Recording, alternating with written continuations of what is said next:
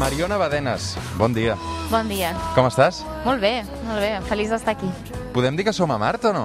Quasi bé. Sí, sí, estem a l'exposició del CCCB, al Planeta Vermell. I estem envoltats de color vermell. Eh, el que passa és que no crec que faci aquesta temperatura. A Mar hi fa bastant més fred. Segurament, sí. I tampoc tindríem aquesta llum ben bé, eh? No, no, no. Hi ha molta gent. Eh, és un dia entre setmana. Um, això vol dir que a la gent li interessa l'espai, no? Jo crec que sí. L'espai és un tema que atrau moltíssima gent i ara que aquest mes de febrer ha estat tan carregat de um, arribades al planeta vermell, de satèl·lit, bueno, de, de, rover de la NASA Perseverance, del satèl·lit uh, Hope dels Emirats Àrabs, i inclús d'un satèl·lit xinès, doncs jo crec que això ha contribuït una mica a, a fer que aquesta exposició tingui mm, bueno, més popularitat que potser d'una altra forma no, no tindria. Mariona, quants anys tens tu ara? Ara mateix 26. Tu vols ser astronauta? Uh, seria un somni fent realitat, sí. Estàs a punt d'aconseguir-ho, pràcticament, no? No, no, no. És una cosa molt complicada i s'ha de tractar amb molta humilitat perquè la major part de gent que demana sol·licitud a l'Agència Espacial Europea per, per ser-ho, doncs no ho aconsegueix. I, bueno, jo tinc pensat en intentar-ho, però sempre amb la idea de que segurament no sortirà bé. De moment el que estàs fent és estudiar molt, a l'estranger també, de seguida ho explicarem, però clar, o sigui, quan jo era petit i ens preguntaven què vol ser de gran, doncs la gent deia futbolista, bomber, astronauta, no? I pràcticament ningú aconseguia cap de les tres coses fins que tocaves de peus a terra i dic, bueno, em buscaré un ofici Yeah. que realment sigui factible.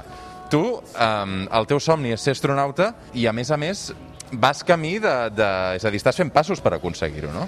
Sí, sempre m'ha interessat molt tot el que té relació amb l'univers i amb, i amb l'espai, tot el que està per sobre nostre, i en aquest sentit doncs, vaig fer la carrera en astrofísica i ara estic fent un doctorat en ciències planetàries, concretament en el camp d'exoplanetes, que són planetes que orbiten fora del sistema solar, i tot el que faig doncs, en el meu dia a dia procuro que, que sigui alguna cosa que, que m'agradi i, i si finalment dona peu a una futura carrera com a astronauta o treballant per l'Agència Espacial Europea, doncs estaria molt feliç. Per què ens fascina tant el cel? No sé, és un, és un, és un tema que fa fascina la humanitat des de milers i milers d'anys. Jo crec que és un, és un tema molt romàntic, no? molt poètic, el mirar cap a dalt i, i pensar estem sols o no estem sols, eh, per què estem aquí, quin és l'origen de la vida, com, com, com On són i cap on anem, no? Exacte, precisament. Jo crec que això és una pregunta que s'ha reflexionat molt des de l'àmbit científic, però també des de l'àmbit artístic. O religiós, no? O religiós, també. Mm. Uh, començant, per exemple, amb la pintura de Paul Gauguin, mm. -hmm. d'on venim, on estem i cap on anem, que, que resona molt, sobretot amb el camp de la cosmologia. Has És- estudiat història de l'art, també. Vaig estudiar una mica d'història de l'art, sí. No, perquè no també, tinc la carrera en també té relació amb la ciència, no? Sí, i perquè sempre m'ha fascinat i crec que hi ha vincles molt profuns entre la història de l'art i l'astrofísica. Doncs va, t'ho pregunto a tu, a la Mariona Badenes, on som i, i cap on creus que anem? Perquè, clar, la gran pregunta que és si estem sols Mhm. en aquest univers eh, no hem pogut demostrar el contrari fins ara, no? De moment no, jo crec que és un tema que hem de tractar amb molta humilitat perquè eh, l'univers és, és immens, és enorme i és possible que hi hagin altres formes de vida en el sistema solar o inclús més enllà. Tu creus I que sí? Que no estem sí. sols? Jo crec que no estem sols perquè perquè la, seria massa improbable no? que fóssim els únics en aquest Mhm. univers tan, tan, tan gran. I penses com Stephen Hawking que és millor no avisar-los o no donar senyals de vida per si de cas els extraterrestres ens veuen com una amenaça? Això és interessant. Crec que els Estats Units tenen un programa per mm, assegurar-se que, que si venen extraterrestres, vida de forma extraterrestre, doncs estiguem protegits. Jo crec que s'ha d'explorar i s'ha d'explorar sempre des de la pau i des de la col·laboració internacional i, i crec que quan tu preguntaves on estem i cap on anem, jo crec que anem cap a una exploració espacial molt més profunda, molt més, molt més llunyana i, i sobretot fundada en aquests principis no? de la solidaritat internacional, de la col·laboració entre, entre països i d'una exploració més diversa, més inclusiva i, i sí, més internacional.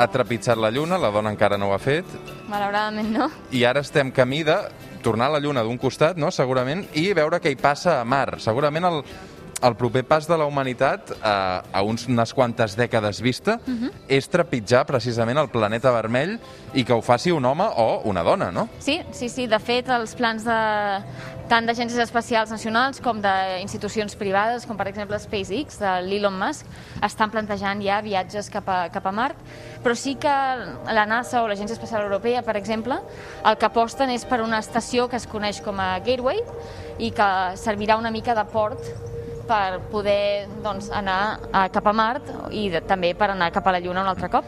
Quan dura un viatge fins a Mar? Quants anys? Un viatge cap a Mart dura entre 7 a 9 mesos i, clar, després s'ha de sumar el temps de, per explorar la superfície, per estar en òrbita i el temps de tornada. O sigui que estem parlant de missions que segurament seran compte com a mínim any i mig, dos anys. Mm. I anar a Mar per fer-hi què? És a dir, la pel·li del Matt Damon en què ell acaba a Mar i s'acaba conreant les seves pròpies hortalisses, mm -hmm. uh, té alguna mena de sentit o això és ciència-ficció? Bé, jo crec que anar a Mar per fer ciència, evidentment, per explorar, però alhora també per um, intentar trobar un altre lloc dins del sistema solar on es pugui assentar l'espècie humana. I bueno, el, el discurs de l'Elon Musk, de persones com l'Elon Musk, també inclouen, um, per exemple, uh, aquesta narrativa de hem d'intentar salvar l'espècie, um, intentant viatjar cap a mar i, i, i fer doncs, colònies allà. És a dir, buscar una alternativa a la Terra, un pla B. Exacte, aquest, aquest és el discurs de, de gent com Elon Musk, però jo crec que en general les agències espacials nacionals i les companyies privades el que volen és anar a Mart per explorar i també a través de totes aquestes tecnologies espacials que es desenvolupen per viatges tan llargs i tan complexos com per anar al planeta vermell, doncs intentar trobar una forma per re reutilitzar aquestes tecnologies a la Terra. El Joan Anton Català, que és la veu científica del suplement, sempre ens explica que no hi ha alternativa a la Terra, no hi ha planeta B per molt exoplaneta que se li assembli o per molt mar en el qual puguem explorar. És a dir, sí. que el que hem de fer és preservar la Terra, cuidar-la, perquè una, un planeta amb unes condicions um, com aquestes uh, no es repetirà segurament, no? Sí, és important que, que tinguem cura del nostre planeta perquè no hi ha una Terra B, com tu ben, di, com tu bé dius, però crec que explorar mar no és... Um, no vol dir deixar de cuidar la Terra, o sigui, podem fer els dos esforços en paral·lel. I aquí és una mica aquesta pregunta de cal invertir en ciència, en exploració espacial, i la resposta que jo crec que, que hem de dir és que sí, no? perquè tot allò que nosaltres invertim a nivell econòmic i de recursos en, en desenvolupar satèl·lits, nous coets, etc etc, doncs totes, totes aquestes tecnologies normalment acaben, eh, acaben beneficiant a la Terra i al nostre dia a dia. Small affair To the girl with the mousy hair Touchdown confirmed. Perseverance safely on the surface of Mars, ready to begin seeking the sands of past life.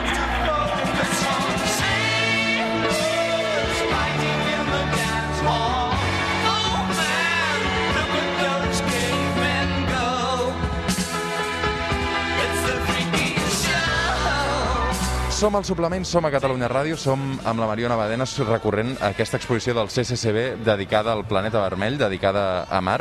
Uh, Mariona, et preguntava abans per la relació entre la història de l'art, la ciència, la religió... Ser creient és una mica més complicat? O creure en Déu és una mica més complicat quan s'és científic? Jo crec que no. De fet, jo coneixo molts científics que, que són creients. Ara bé, hi ha gent que creu en la figura de Déu i gent que potser es considera més espiritual, no? més, o potser més agnòstica. Crec que hi ha alguna cosa, però no sé ben bé què, què hi ha.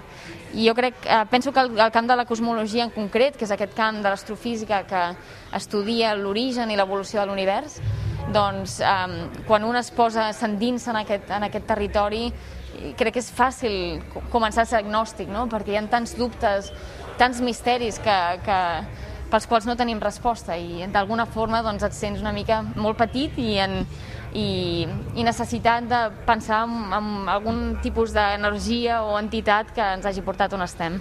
Tu què creus que hi ha després de la mort? Bona pregunta. Doncs m'agradaria pensar que hi ha alguna altra cosa, però segurament ara mateix crec que sóc una mica més pragmàtica i penso que, que, que s'acaba quan, quan ens n'anem, no? L'evidència científica què ens diu?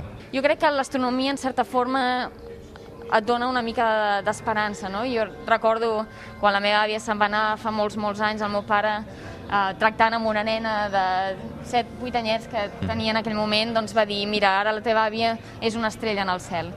I, mm, I jo crec que en aquest sentit doncs, l'astronomia és, és acollidora, no? Et dona una abraçada quan, quan les coses van bé, però també quan les coses van una mica més malament. Tu quan vas començar a mirar cap al cel i, i dir, ostres, em fascina això, potser m'hi podria dedicar?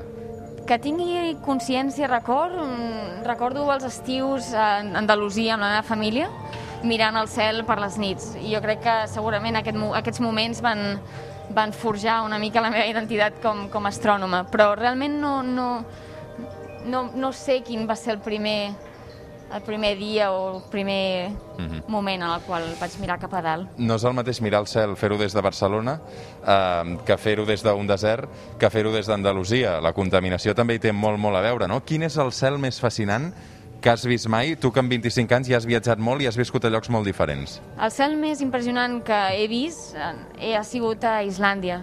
Vaig anar fa uns quants anys a veure aurores boreals mm. i va ser un, un viatge d'uns 5 dies aproximadament i durant els quatre, els quatre primers dies no vam veure res perquè ja S'ha estava de tenir molta paciència, no? Però l'última nit hi va haver una tormenta solar molt i molt gran que va generar una tormenta d'aurores boreals com mai havia vist a les fotografies i realment aquests colors que, que la gent veu que moltes vegades doncs, poden estar tonejats, eh, va ser exactament el que jo vaig veure aquella nit. Mhm.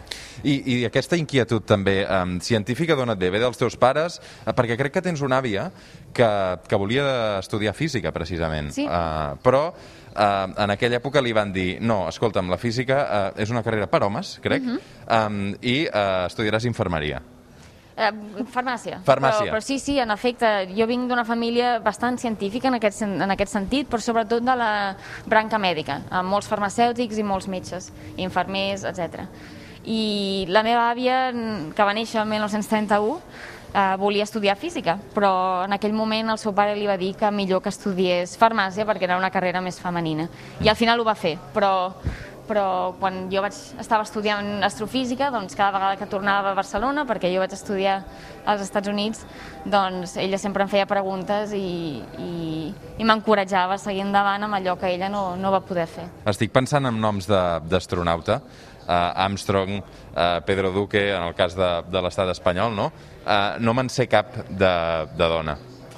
N'hi ha moltes menys. Això és una realitat que, que és dura. Dels 570 i pico astronautes que hi ha hagut des dels de, inicis de la carrera espacial, la major part han sigut homes i homes blancs.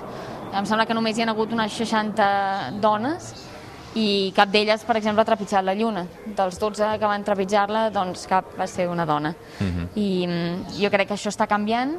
De fet, la nova convocatòria d'astronautes de l'Agència Espacial Europea el que busca sobretot són dones que vulguin ser astronautes i, i, i bé, són petits signes no, de que l'estatus quo està- s'està està evolucionant. Per canviar necessites referents, no? És a dir, tu has de poder mirar eh, el que ha vingut per davant teu i, clar, el problema és si només tens noms referents d'homes, no? Clar, no, no. I per això jo crec que la tasca de divulgació que, que, fem, que, bueno, que fem moltes científiques d'aquest país és, és molt important i, i ha de servir doncs, sobretot per inspirar a noies joves a seguir les seves vocacions científiques, però sempre inspirar des de la humilitat, perquè clar, hi ha, sempre hi ha coses a aprendre, independentment de quin estadiu professional estiguis de la teva carrera. I tu creus que es pot, es pot arribar a ser astronauta sense sortir de Catalunya o has de marxar a l'estranger? Eh, és interessant. Jo crec que si mires els requisits de l'Agència Espacial Europea veuràs que eh, l'únic requisit eh, fixe, eh, escrit en foc, és el, que tinguis un màster, una carrera universitària i un màster. Però en cap moment diuen que, que has de sortir a fora. Personalment crec que viatjar, eh, fer experiències a l'estranger, tot això doncs, doncs et permet veure mons diferents i conèixer gent molt diferent, així que jo crec que és important, però segur que també hi ha molta gent capacitada que ha estudiat a casa i, i que, que té un futur brillant. Però tu has hagut de marxar, has viscut eh, a Londres, eh, crec que has fet estades molt llargues també a Massachusetts, no? Bé, vaig estudiar a New Haven, a Connecticut, als Estats Units, vaig estar quatre anys allà per fer la carrera i ara estic fent un doctorat a Boston, que bueno, ja porto dos anys i em quedaran segurament com a mínim tres més. I a Utah eh, crec que hi ha un desert, no? A Utah hi ha un desert, sí. I què hi vas fer en aquell desert? Allà vaig participar en una missió anàloga, anàloga perquè el desert de Utah és un desert anàlog al de Mart, és a dir, bastant similar al que un es podria arribar a trobar allà, a nivell topogràfic, de geologia, i vaig anar amb sis companys més com a part d'una tripulació coneguda com a l'Atom 3, cadascun amb els nostres projectes científics i, i també amb projectes en comú doncs, a nivell de tripulació. Recordo que mm, quan Armstrong va trepitjar la Lluna per primera vegada, no?, hi van plantar una bandera americana. Mhm. Això et sembla bé? En aquell moment era el que, el que era, estàvem en context de Guerra Freda i per tant la, tant el, la Unió Soviètica com el, els Estats Units el que volien és, era posar petjada en un cos extern no? de la Terra, un cos del sistema solar. Actualment jo crec que s'ha d'apostar més per, per aquesta col·laboració internacional que, de la qual et parlava abans i sí que doncs, al final qui posi la, el primer peu, la primera petjada a Mart serà una persona d'un país en concret, però jo, per exemple, a nivell europeu, crec que no hi ha astronautes d'un país mhm. X o Y, hi ha astronautes europeus. This is Moscow. Uh, this is Moscow Core. On the 12th of April, the Soviet Union orbited a spaceship around the Earth with a man on board. The astronaut is a Soviet citizen, Major Gagarin Yuri Alexeyevich. Mira, llegeixo una cita que diu uh, Bogdanov wrote uh, for the Martians and the Martians are us. És a dir, Bogdanov va escriure pels marcians, però els marcians som nosaltres. Què en penses? No, jo crec que som espècie terrestre, Ahà. um, però sí que ara que comentes aquestes cites del CCCB, són cites que, estan, eh, que es poden veure al llarg de l'exposició, i n'hi ha algunes que a mi m'han agradat molt. Per exemple, hi ha una que et diu que quan arribem a Mar realment no experimentarem Mar tal com és, perquè sempre tindrem la carcassa, de la, no? la, la protecció del, de la Mhm. vestimenta espacial i, i això farà que l'experiència física que, que nosaltres adquirim allà no sigui com la que nosaltres podem arribar a tenir a la Terra. Però això també et fa pensar en la forma en què nosaltres vivim el nostre propi planeta, començant per la roba, per exemple, que portem. I... Què proposes? Què et fa pensar això? No, em fa pensar que, que potser en un futur, doncs, imagina't si poguéssim arribar a construir assentaments a Mart que permetessin doncs, que tu i jo poguéssim estar caminant per la superfície marciana sense necessitat d'oxigen assistit, per exemple. O, Tu imagines? Això creus que és possible? A la pel·li del Matt Damon ho retrataven així, no? Sí, bé, que, sí, tot i que el Matt Damon crec que sí que utilitzava vestimenta especial per Ah. anar per la superfície. Tu t'has De- vestit mai amb un, amb un vestit d'aquests? No dels professionals, però sí que al desert de Utah, cada vegada que nosaltres volíem sortir de la base i fer una sortida extravehicular, tal com es coneixia, doncs havíem de vestir-nos amb una vestimenta especial, amb una escafandra i amb una espècie de sistema de refrigeració a l'esquena que ens donava una mica d'aire fred quan havíem de sortir al desert. seven, six, five, Five. four. Engine ignition, two, one, zero. Zero. Release. And liftoff. As the countdown to Mars continues, the perseverance of humanity launching the next generation of robotic explorers to the red planet. Mira, Carl Sagan, la imaginació ens durà sovint a mons que no han existit, però sense la imaginació no anirem enlloc. La importància d'imaginar, no? Totalment, sí. Carl Sagan, de fet, darrere teu tenim un llibre que es diu Contact, Ahà. que, del qual se'n va fer una pel·lícula amb la Jodie Foster. Sí. I és una pel·lícula que, mira, de les, abans em preguntaves què, què ha anat forjant no? la teva identitat com a astrònoma, doncs la pel·lícula Contact també és una, és una d'aquestes um, peces instrumentals en, en la meva carrera. El que passa és que en el cine hi ha molta, molta, i en la literatura també, evidentment, També. hi ha molta ciència-ficció, no? Sí, de fet, si torna, anem a la, a la Sí. part de l'exposició on hi ha còmics Sí. amb dibuixos relacionats amb Mart i l'espai, si et fixes, molts dels coets, com per exemple aquest que, que veus aquí, Mhm. són coets que, si ara anem a l'última branca de l'exposició, s'assemblen molt als coets que Elon Musk, amb, amb SpaceX, està desenvolupant. En concret, el coet Starship, que ha de portar uh, aquests primers humans a la superfície del planeta vermell. Mhm. I tot està en, en llibres. No et fa por? No et faria por viatjar a la Lluna o viatjar a Mart? Jo crec que en un viatge espacial sempre t'ha donat respecte. Per què? Perquè és el que necessites per estar eh, atenta a tot el que pugui passar, però, però jo crec que un, un viatge d'aquestes característiques el que, eh, el que genera és emoció, no? I el, i el saber que doncs, estàs proporcionant una cosa a la humanitat que realment canviarà els llibres de, de la història. Per molt atent que estiguis, hi ha factors que no depenen de tu.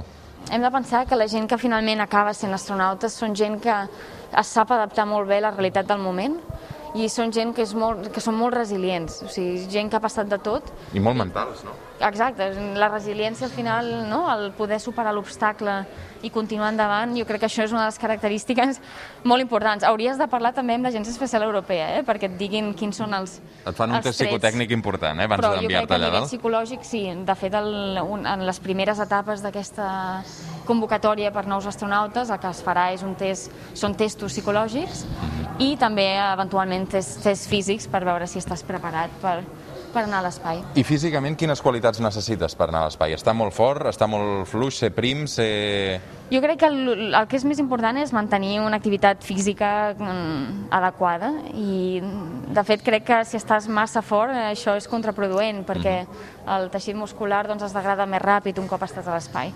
A nivell de, com pots veure, jo, bueno, ara mateix vaig amb lentilles, però jo en realitat porto ulleres uh per treballar i, mm, i això ara ja no és un problema. En els anys 50-60 sí que buscaven militars amb una visió perfecta, però ara, eh, mentre tu puguis corregir el problema dels ulls amb, amb relativa facilitat, doncs també pots presentar-te. This is Major Tom to ground control.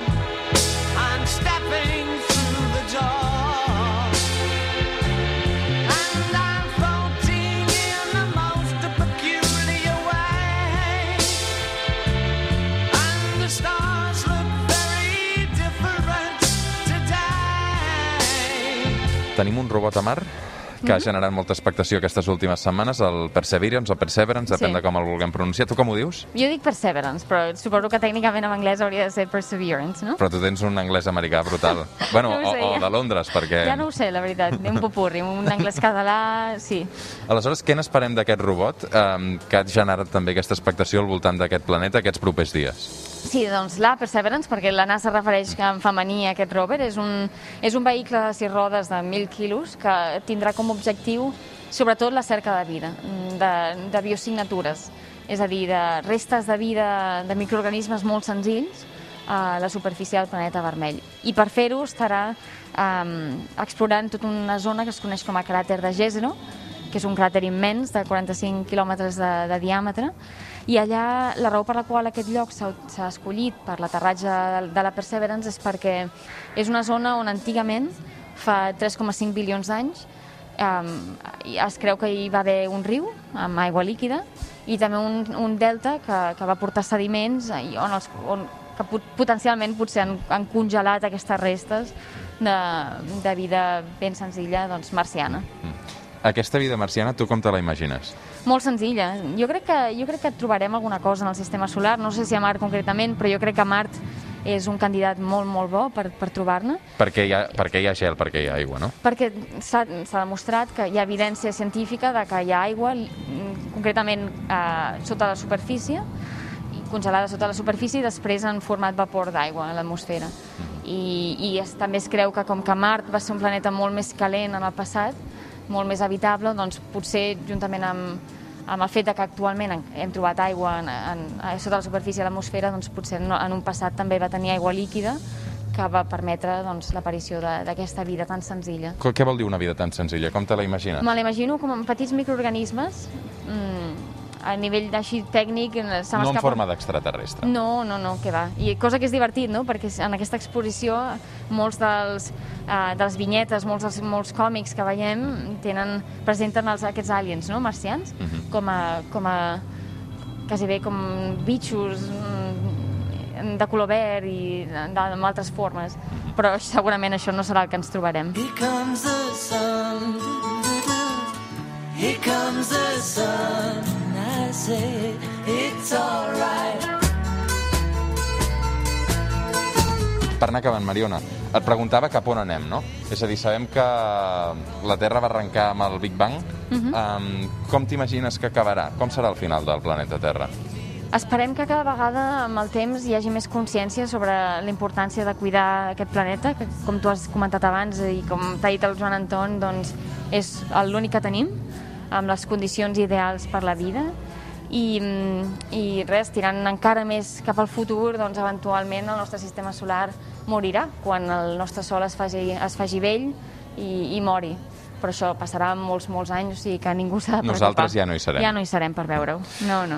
Uh, Mariona Badenes, moltes, moltes gràcies, molta sort uh, amb Moltes el teu gràcies. viatge i quan tornis a Catalunya truca'ns. Moltes gràcies a tu i a tot l'equip per la confiança i, i per permetre'm de parlar amb vosaltres.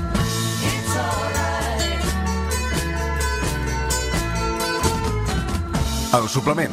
Ràdio amb esperit de cap de setmana. Amb Roger Escapa.